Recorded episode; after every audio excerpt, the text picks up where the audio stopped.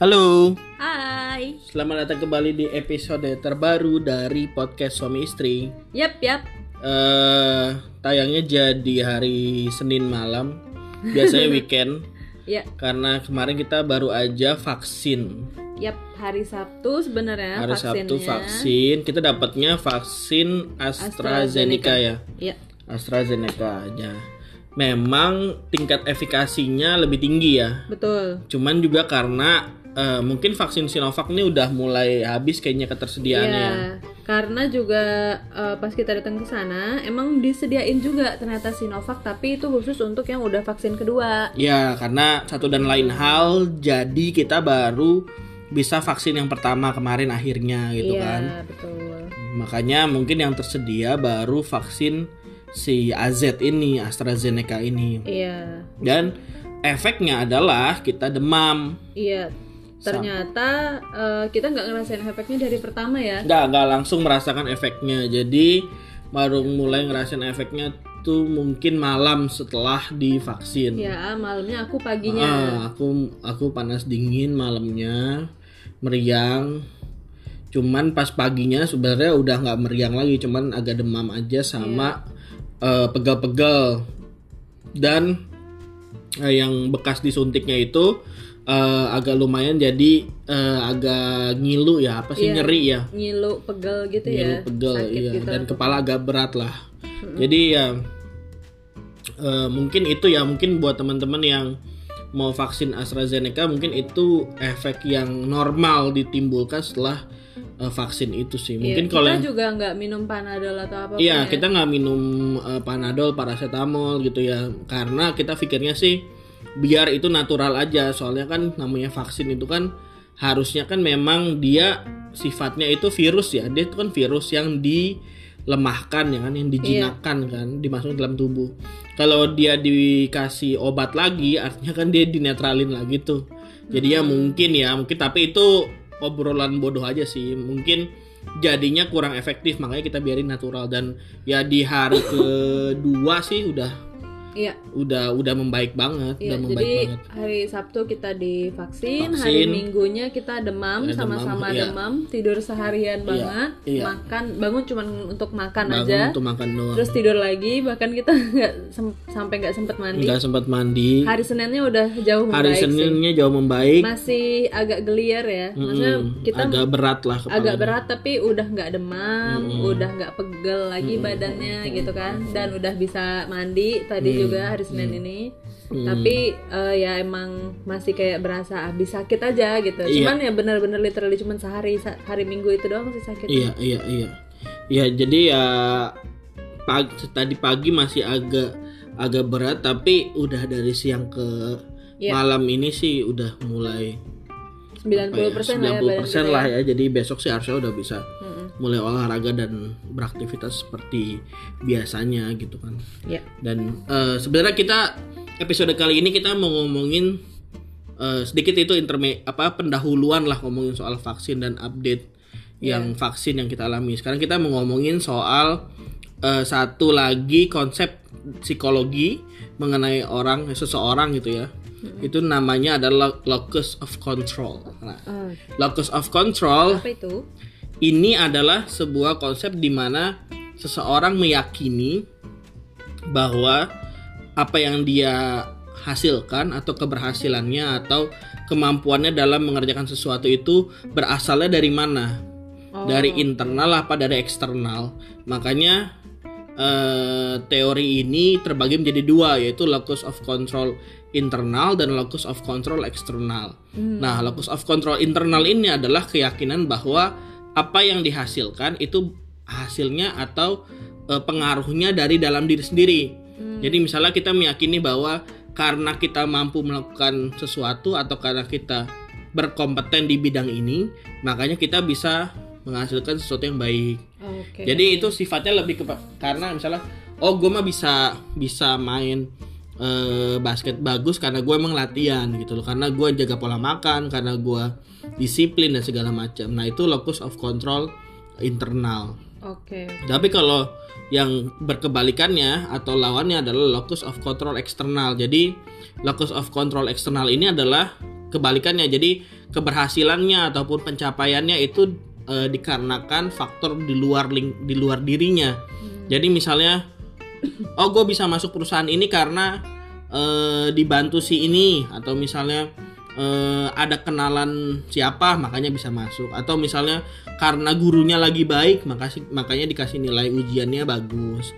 Nah itu locus of control eksternal. Jadi meyakini bahwa apa yang apa yang dihasilkannya adalah eh, bukan dari kemampuannya tapi dari keadaan eksternalnya lingkungannya kayak gitu. Jadi eh, sebenarnya ini bisa jadi baik kalau bisa dikombinasikan kalau menurut aku.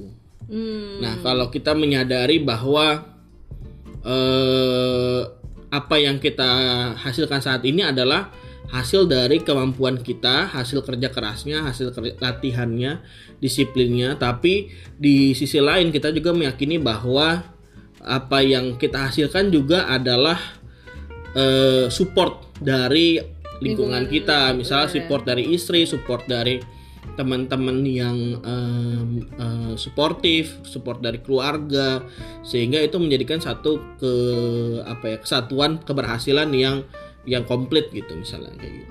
Oke. Berarti kalau locus locus of control internal tadi biar em, maksudnya biar menyadari kalau kalau eh, apa yang kita dapat tuh karena kemampuan kita gitu ya. Iya, karena Jadi karena kayak karena misalnya- karena ya karena kemampuan kita. Ya misalnya aku contohin berarti kayak misalnya aku lolos interview Hmm. yang di tahun kemarin itu karena aku udah bisa eh, memperbaiki interview aku mungkin gitu ya. Hmm, hmm. Eh, aku catat apa yang aku kurang di interview sebelumnya Iya, iya. terus apa yang udah aku lakuin selama Iya.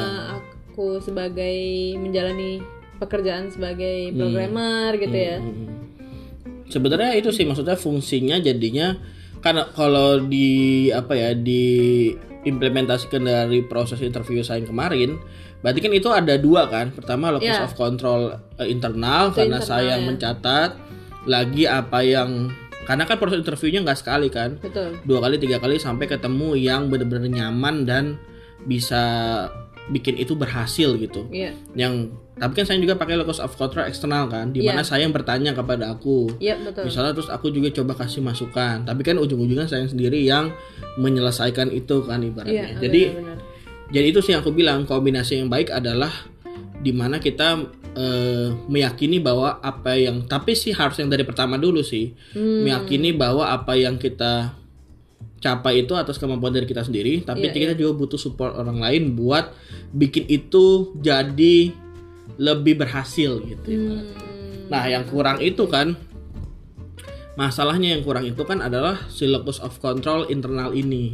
iya. Terutama kan dari mungkin dari lingkungan orang-orang di sekitar kita gitu kan locus of control internal. Karena memang kepercayaan dirinya eh, masih sangat rendah, tidak dibangun sejak dini bahwa eh, apa yang dihasilkan itu bukan keberuntungan gitu loh, tapi Oke. itu eh, bu- ya itu bukan kebetulan, tapi itu adalah hasil latihan, itu adalah hasil disiplin. Jadi bukan tiba-tiba aja itu jadi kayak jatuh dari langit jabatan yang didapatnya atau ke, ke rezeki yang dia punya sekarang misalnya gitu kan. atau kalau misalnya kayak eh, orang-orang muslim biasanya kan eh, Hmm. karena rezeki dari Tuhan ya itu mungkin salah satunya locus of control eksternal mungkin ya Iya, tapi ya nggak mungkin kita biarin si eksternal itu aja kan maksudnya kita juga harus punya kepercayaan diri kalau locus of control internalnya apa yang udah kita lakuin gitu kan ya iya, iya. Ya, Jadi- itu kan makanya kalau misalnya eh ya kayaknya itu umat beragama pada umumnya gitu kan. Maksudnya iya. meyakini bahwa apa yang rezeki yang didapat saat ini merupakan eh kemurahan hati Tuhan misalnya seperti itu kan. Iya. Tapi kan eh, sebagaimana juga sebenarnya kalau referensinya Muslim, Islam ya berarti kan itu juga akan ada ayat bahwa ah, misalnya Allah atau Tuhan tidak akan mengubah nasib seorang apabila orang itu tidak meru- ingin dirinya mengubah sendiri. dirinya sendiri. Jadi kan ibaratnya itu sebenarnya udah dikasih hint lah atau Iya, kisi-kisi iya, lah kasihan ya. bahwa locus of control internal itu Harus dimulai dulu dibutuhkan, ya. dibutuhkan Oke, oke. untuk seseorang bisa mendapatkan apa yang memang sudah menjadi jatahnya gitu loh. Oh, Jadi memang rez- konsepnya rezeki itu memang udah jatahnya. iya iya. Tapi untuk dapat apa yang seharusnya dia miliki ya butuh locus of control internal, artinya Iya. dia butuh niat, butuh usaha ya kan supaya Iya. dia memang dapat apa yang pantas dia dapatkan atau mungkin melebihi dari apa yang sudah dijatahkan untuknya seperti itu kan. Oh iya betul betul sih. Ya. Kadang karena locus of control, locus of control Mm-mm. internal yang kurang itu kadang apa ya eh, ngebuat orang jadi terlalu bergantung ya kadang-kadang Iya, iya terlalu, terlalu bergantung Iya. Sama orang lain. Hmm, hmm. ya itu tadi benar sih. Dua-duanya harus dipunyai oleh seseorang tapi yang eh, yang sebagai startnya emang harus dipunyain duluan tuh yang locus of control internal, karena Internal, kalau iya. internal nggak punya tapi langsung eh, maksudnya langsung bergantung ke eksternal aja ya jadinya terlalu bergantung sama orang lain. Jadi dia Hmm. nggak punya kepercayaan diri kalau dia tuh bisa loh. Ya kan? Misalnya eh kayak eh ya misalnya abis kontrak lah ya di pekerjaan biasanya kan Hmm. kalau pegawai kayak aku kan putus kerjanya karena habis kontrak salah satunya Iya. misalnya habis kontrak nah itu kita harus punya kepercayaan diri kalau ya gua eh, bisa nih di bidang ini gitu ya Hmm, iya. jadi bisa nyari pekerjaan baru lagi mungkin Bisa dapat opportunity yang lain dan yang lain Ya, atau atau mungkin bisa- belajar belajar hal baru gitu ya Iya betul. Jadi ya apa namanya ya untuk itu untuk menghilangkan keraguan kita supaya kita bisa lebih fokus dari untuk yang kita kerjakan aja gitu loh. Jadi Hmm. jadi itu menghilangkan keraguan kita terhadap masa depan. Jadi kita bisa fokus untuk mengerjakan yang masa sekarang. oke Kalau locus of intern locus of control internal kita bagus gitu. Sebaliknya locus of control eksternal ini juga sebenarnya dibutuhkan sebenarnya untuk Iya. supaya kita bisa lebih apa ya lebih down to earth bisa lebih menghargai orang-orang di sekitar kita yang mungkin perannya tidak tidak eh, tidak signifikan tapi eh, penting gitu loh untuk ngebangun mood untuk misalnya bikin kita ber- mengevaluasi diri kita. Karena kan diri kita sendiri nggak bisa menilai diri kita sendiri kan. Betul betul. Kita butuh evaluasi dari orang lain yang mungkin eh, sifatnya kadang-kadang tidak ingin kita dengar misalnya. Iya, misalnya kan kayak pendapat orang lain yang memang mesti ada kontra naratifnya nih kalau misalnya dia selalu menganggap apa yang dilakukan ini eh, benar. Ya meskipun mungkin nggak salah tapi ada beberapa caranya yang mungkin dari pandangan orang lain harusnya nggak gini gitu. Meskipun nggak meskipun itu tidak harus merubah apa yang dilakukan yang tetap yang dilakukan ya udah nggak apa-apa seperti itu. Iya. tapi mungkin ada input-input lain yang dia butuhkan supaya lebih diperbaiki lah dari apa yang sedang diusahakannya. Nah itu menurut aku sih locus of control eksternal juga diperlukan dalam kadar atau batasan tertentu gitu loh. Jadi kedua hal ini sebenarnya bagus tapi yang yang menurut aku yang tetap yang krusial yang dibutuhkan adalah locus of control internal. Oke. Buat untuk sebagai fondasi, Fondasi, ya kan? Bahwa apa yang kita kerjakan itu memang harus dari diri kita sendiri kehendak kita sendiri sehingga kita menghasilkan suatu hasil pekerjaan yang memuaskan gitu loh Oke oke. Itu kayaknya eh, dasar ya dari semua pengembangan diri juga kayak di Seven Habits kan itu dimulai dari dalam dulu semuanya. iya Being proaktif, hmm. eh, terus apa ya? Aku jadi lupa tuh tujuh habits itu. Pokoknya tiga habits pertama. Nanti aku baca lagi deh. Hmm. Pokoknya yang tiga habits pertama itu kalau nggak salah dimulai dari diri sendiri. Hmm. Itu berkaitan dengan individual self improvement dari individu dari dalam diri kita sendiri. Barulah dimulai dengan eh, cara berhubungan dengan orang lain yang Iya. win-win solution itu kan Iya, salah iya. satunya untuk cara bagaimana cara berkomunikasi dengan orang lain. Iya, iya. Iya, misalnya kan kayak misalnya gini aja. Eh, kalau misalnya eh kayak sayang misalkan eh, Ya. misalnya sayang karyawan. Sayang udah tahu tuh jam kerjanya jam sekian sampai jam sekian. Ya. Eh, berarti kan ada satu rutin yang memang ditetapkan gitu kan. Iya. Kapan saya harus mulai kerja, kapan saya bisa berhenti kerja atau kapan saya misalnya harus mengambil extra time untuk menyelesaikan pekerjaan. Yap. Nah, tapi kalau se misalnya di weekendnya improvi eh, mengenai pengaturan waktunya kan diserahkan ke saya. Atau misalnya apa yang saya lakukan sebelum pekerjaan itu dimulai itu juga di improvisasinya ada di saya. Kapan saya harus bangun, ka- sebelum berangkat kerja apa yang harus lakukan, atau setelah pulang kerja apa yang harus saya lakukan. Itu kan improvementnya balik lagi ke saya kan. Nah, locus of control ini eh, membantu supaya kita bisa memprioritaskan waktu-waktu di mana kita bisa punya kebebasan di situ. Nah, Hmm. kalau misalnya kembali kalau misalnya ini hubungannya soal aku misalnya gitu ya. Ya. Misalnya aku yang memang jam kerjanya nggak ada karena nggak maksudnya bukan nggak ada nggak ditetapkan secara eh, apa ya secara peraturan tertulis Ya. apa yang harus dikerjakan. Nah di situ juga kan locus of controlnya di situ main kan di mana aku harus punya disiplin sendiri yang aku secara sadar harus aku terapkan misalnya Iya. aku harus bangun jam berapa habis itu misalnya kalau pagi kan aku nganterin sayang misalnya habis itu aku harus apa sampai eh, sayang nanti jemput sayang lagi sore habis itu aku harus apa nah jadi sebenarnya locus of control in- internal itu hubungannya lagi soal kesadaran diri Oh, dari seseorang itu untuk menentukan waktu-waktu atau prioritas apa yang harus dilakukan meskipun itu nggak diatur oleh ketetapan yang eh, baku gitu. Hmm. Oke oke. Iya sih. Emang kita harus uh, benar-benar take control of what we do dulu lah Iya ya. iya. Istilahnya ya. Kita harus tahu kalau kita udah punya value untuk mencapai Iya, sesuatu ya kan. Baru Iya. kita bisa nyalahin orang lain habis itu. iya iya. kalau kita nggak punya apa-apa gimana mau nyalain orang lain ya kan? Iya, ya benar, kitanya aja misalnya misalnya em, belum bisa apa ya? Belum bisa jadi senior lah misalnya Hmm. aku contohnya kan. Aku belum bisa jadi senior nih ya. Mungkin aku bisa nyalain orang lain tapi kan aku harus yang pertama baca dulu kan dari diri sendiri. Iya iya iya. Aku udah bisa udah bisa menyelesaikan tas yang bener belum gitu kan? akunya udah perform dengan baik belum? Udah masuk kantor sesuai jam belum gitu kan? terus udah ngasih ide-ide yang bagus nggak? Udah bisa udah bisa mengayomi programmer lain kan nih kan? Bisa sharing knowledge Iya, iya, dan iya. sebagainya. Nah itu kan itu kan syarat-syarat menjadi senior. Mhm. dari diri akunya harus aku lihat dulu kan. Baru aku bisa bergaining lah istilahnya. Baru bisa nanya ke atasan aku kan kok aku belum jadi senior? Iya, aku udah betul. gini gini gini gimana Iya, nih? betul, gitu iya, ya kan? betul, iya, betul.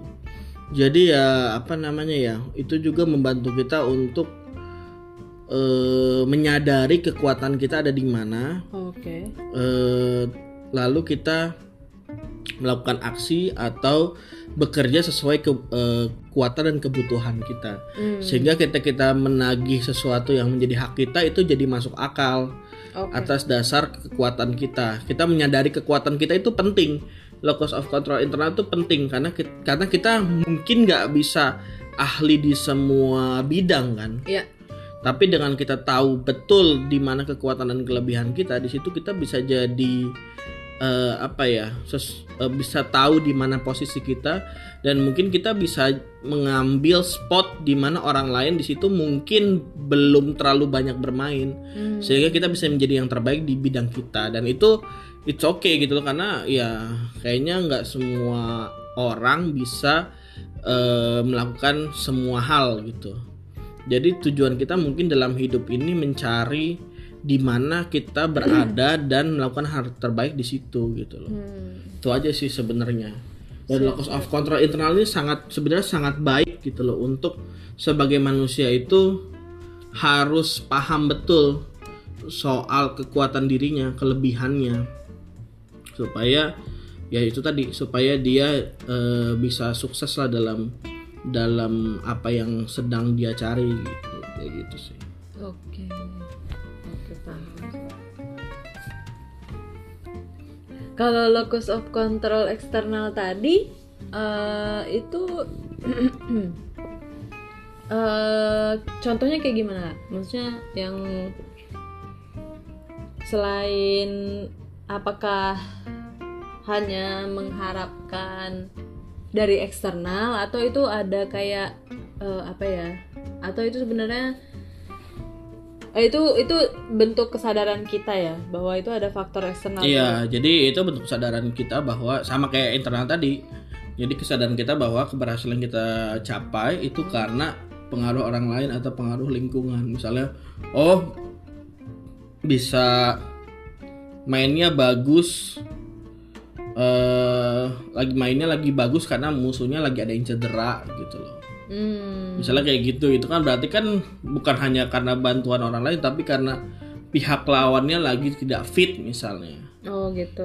Oh bisa bagus dapat penilaian bagus karena yang ngasih nilai teman dekat kita.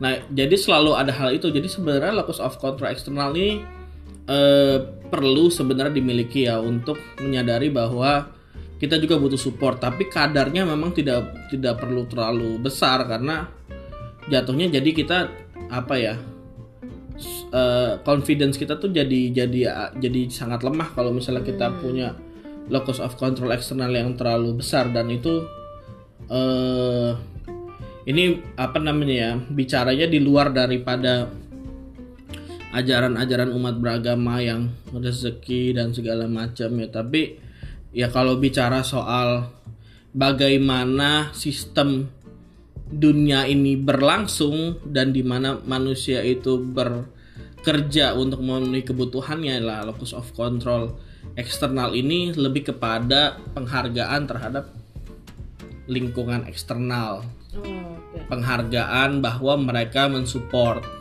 ya support atau tidak support ya menghargai karena sudah eh, ibaratnya membuat kita mau tidak mau ada di tempat seperti ini gitu loh. Sehingga ya sehingga kita menghargai support mereka lah support di masa lalu support di saat ini kayak gitu. Tapi untuk untuk drive-nya semangatnya untuk tekadnya locus of control internal itu lebih lebih dibutuhkan. Karena memang cuman itu yang dipunyai kan. Iya. terlepas dari semua gelar terlepas dari semua eh, apa ya status sosial hanya itu yang dipunyai kan? Iya. Eh, locus of control in- internal ini adalah modal paling besar manusia itu untuk tetap bertahan hidup.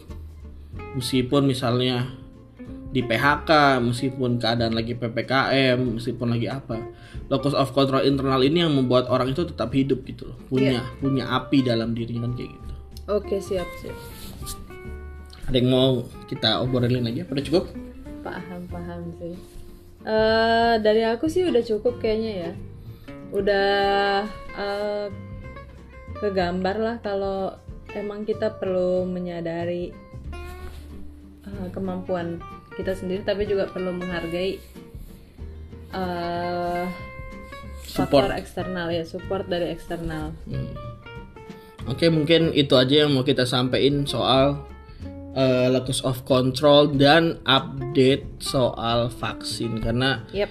eh, kita sendiri sudah mengalaminya akhirnya dan saran sih buat teman-teman mungkin yang kayaknya sih Mau ambil hampir semuanya ya? udah Iya, vaksin ya. harusnya udah. Tapi mungkin masih ada beberapa yang belum vaksin karena eh, karena takut ini itu ya memang pasti Kalau ada kita efeknya. sih, kalau kita sih sebenarnya belum vaksin, baru baru vaksin sekarang karena nungguin aku kan, aku kan Ya. habis covid, Ya aku habis betul. covid dan harus nunggu tiga bulan katanya. Betul. Jadi Dan ya, emang ini benar-benar baru. benar-benar baru, Habis tiga bulan. benar-benar baru dapat kesempatannya dan Iya. dan kebetulan aja memang vaksin Sinovac itu lebih diperuntukkan untuk yang vaksin kedua dan memang kebanyakan yang vaksin Sinovac itu tidak ada efek yang terlalu gimana-gimana ya betul. ke tubuh yang penerimanya dan Mm-mm. untuk yang vaksin AstraZeneca ya Ah, Ya. Jadi agak demam sih benar. ya mungkin ada efeknya sih bergantung Untuk- kepada mungkin bergantung kepada imunitas orang itu ya tapi Mungkin juga. se mungkin ya separah parahnya itu tadi sih paling demam Ya, mungkin kadar demamnya aja yang bisa beda-beda tapi pasti ada efeknya. Jadi disaran sih kepada eh, teman-teman yang mau vaksin AstraZeneca lebih baik mengambil waktu di hari Weekend. Jumat atau Sabtu Ya, sehingga punya waktu istirahat minimal 1 sampai dua hari lah. Betul. Supaya bisa eh, recharge lagi tubuhnya setelah menerima virus yang sudah dijinakan tersebut. iya ya jadi paling enggak eh, izin satu hari sih dari kantor misal Ya. hari Jumat kalau ya hari Jumatnya izin Sabtu Minggu tuh udah oke tuh buat istirahat tapi kalau hari Sabtu ya kayak aku tadi hari Senin perlu izin sih Hmm, karena minggunya masih demam Seninnya recovery banget iya betul. Ya mungkin itu aja yang mau kita sampaikan. Yap. Eh, semoga bermanfaat. ya Sampai jumpa di episode selanjutnya. Dadah. bye